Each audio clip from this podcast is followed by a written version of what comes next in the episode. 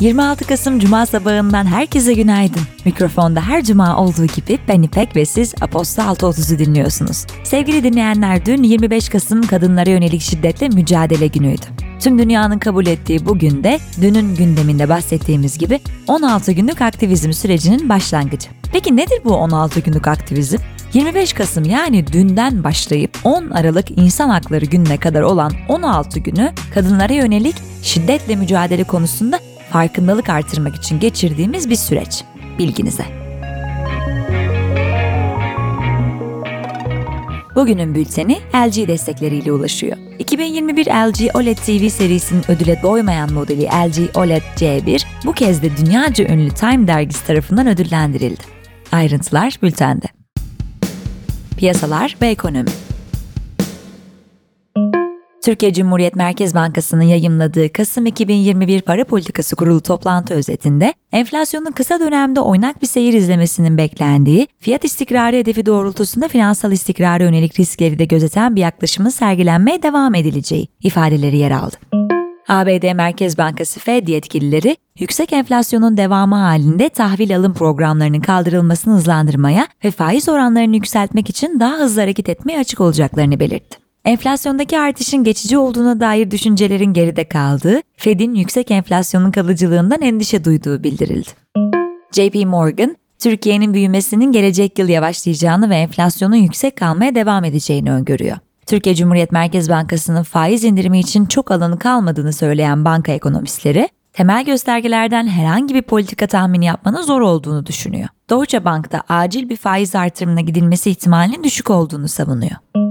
Türkiye Cumhuriyet Merkez Bankası Başkanı Şahap Kavcıoğlu, Bankacılık Düzenleme ve Denetleme Kurumu Başkanı Mehmet Ali Akben ve Türkiye Bankalar Birliği Başkanı Alparslan Çakar, banka yetkilileriyle bir araya geldi. Kavcıoğlu toplantıda görüş alışverişleri yapıldığını, çok değişik bir şey olmadığını söyledi. Asgari Ücret Tespit Komisyonu'nun ilk toplantısı 1 Aralık'ta gerçekleşecek. Çalışma ve Sosyal Güvenlik Bakanı Vedat Bilgin, asgari ücretin toplumu tatmin edecek, adalet duygusunu pekiştirecek, devlet sosyal devlettir ve buna sahip çıkmaktadır kanaatini yerleştirecek bir seviyede olacağına inandığını, Türk İş Başkanı Ergün Atalay'la ile uzlaşma içinde olduklarını söyledi. İş Dünyası Sağlık Bakanı Fahrettin Koca, TBMM Plan ve Bütçe Komisyonu'nda bakanlığın 2022 yılı bütçesine ilişkin yaptığı sunumda yerli inaktif COVID-19 aşısı Türkovak için dün itibariyle acil kullanım onayı başvurusunun yapıldığını duyurdu. Koca, aşının yıl bitmeden kullanıma girmesini ümit ettiklerini belirtti. Starbucks, son günlerde Türkiye'deki mağazalarını kapatacağına dair haberlerin ve sosyal medya paylaşımlarının ardından konu hakkında yaptığı açıklamada iddiaların asılsız olduğunu belirtti. ABD'de hükümet, Çin merkezli 8 teknoloji firmasını ulusal güvenlik ve Çin ordusunu desteklemek için ABD menşeli ürünler göndermek gibi gerekçelerle sınırlı ticaret ilişkisi listesine eklediğini açıkladı. Rusya'da aileleri korumakla sorumlu kamu komiserliği, Netflix'in artı 16 etiketi taşıyan LGBTI plus temalı dizileri yayımlayarak geleneksel olmayan cinsel ilişkileri yaymayı engelleyen 2013 tarihli yasayı ihlal ettiğini öne sürdü. Komiserlik, İçişleri Bakanlığı'na şikayette bulundu ve şirket hakkında soruşturma açıldı. Hindistan'da hükümet ülkede kripto paraların birçoğunu yasaklamaya hazırlanıyor. Ancak hangilerinin yasaklanacağı henüz bilinmiyor. Parlamentonun internet sitesinde yer alan açıklamaya göre kripto para ve resmi dijital kripto para birimi düzenlemesi yasa tasarısı, özel sahipli kripto para birimlerinin yasaklanmasını ve Hindistan Merkez Bankası'nın kendi sanal para birimini üretmesini öngörüyor.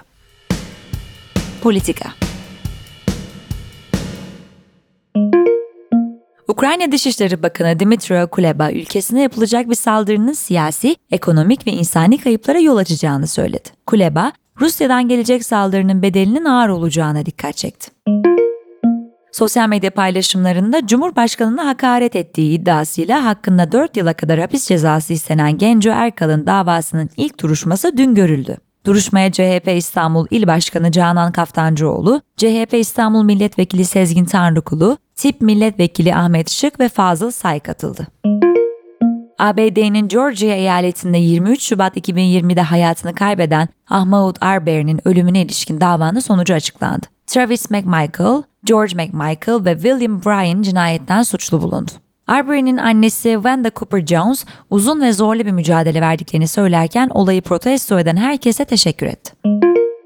Fransa Cumhurbaşkanı Emmanuel Macron'un Birleşik Krallık Başbakanı Boris Johnson'ı insanların ölümünü siyasi amaçları için kullanmaması konusunda uyardığı aktarıldı.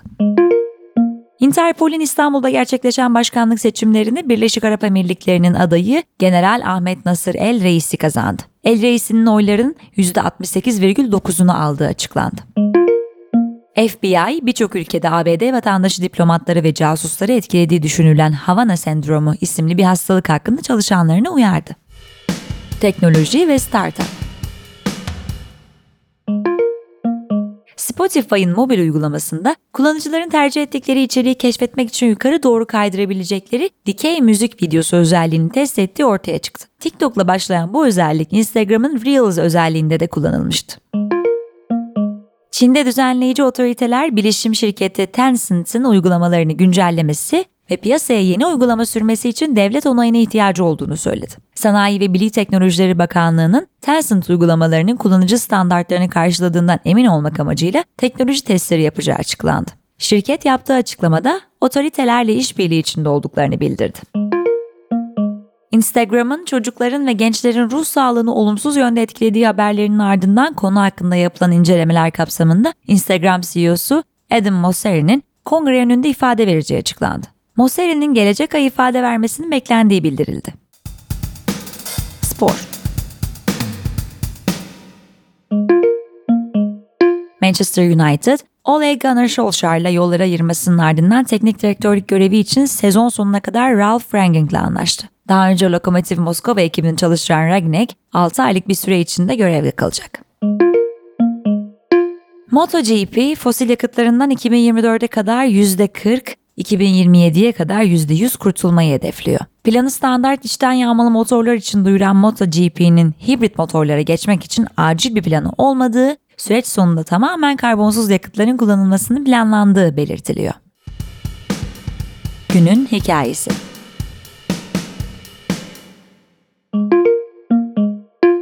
Günün hikayesinin konusu Türkiye'nin kadına yönelik şiddet karnesi. Sevgili İlkim Emirler sizler için kaleme aldı. 25 Kasım Kadına Yönelik Şiddete Karşı Uluslararası Mücadele Günü'nde Türkiye'nin dört bir yanında kadınlar kadına şiddete hayır dedi. Kadın inisiyatiflerinin çağrılarının ardından İstanbul Taksim Tünel'de bir araya gelindi.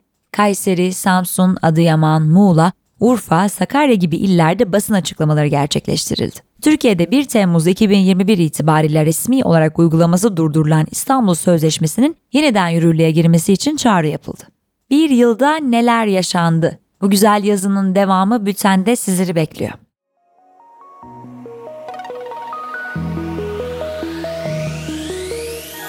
Evet sevgili dinleyenler, bugünün haberlerinin sonuna geldik. Mikrofonda ben İpek Naz Çınar, sizlere harika bir hafta sonu diliyorum. Pazartesi günü tekrar görüşünceye dek, hoşçakalın.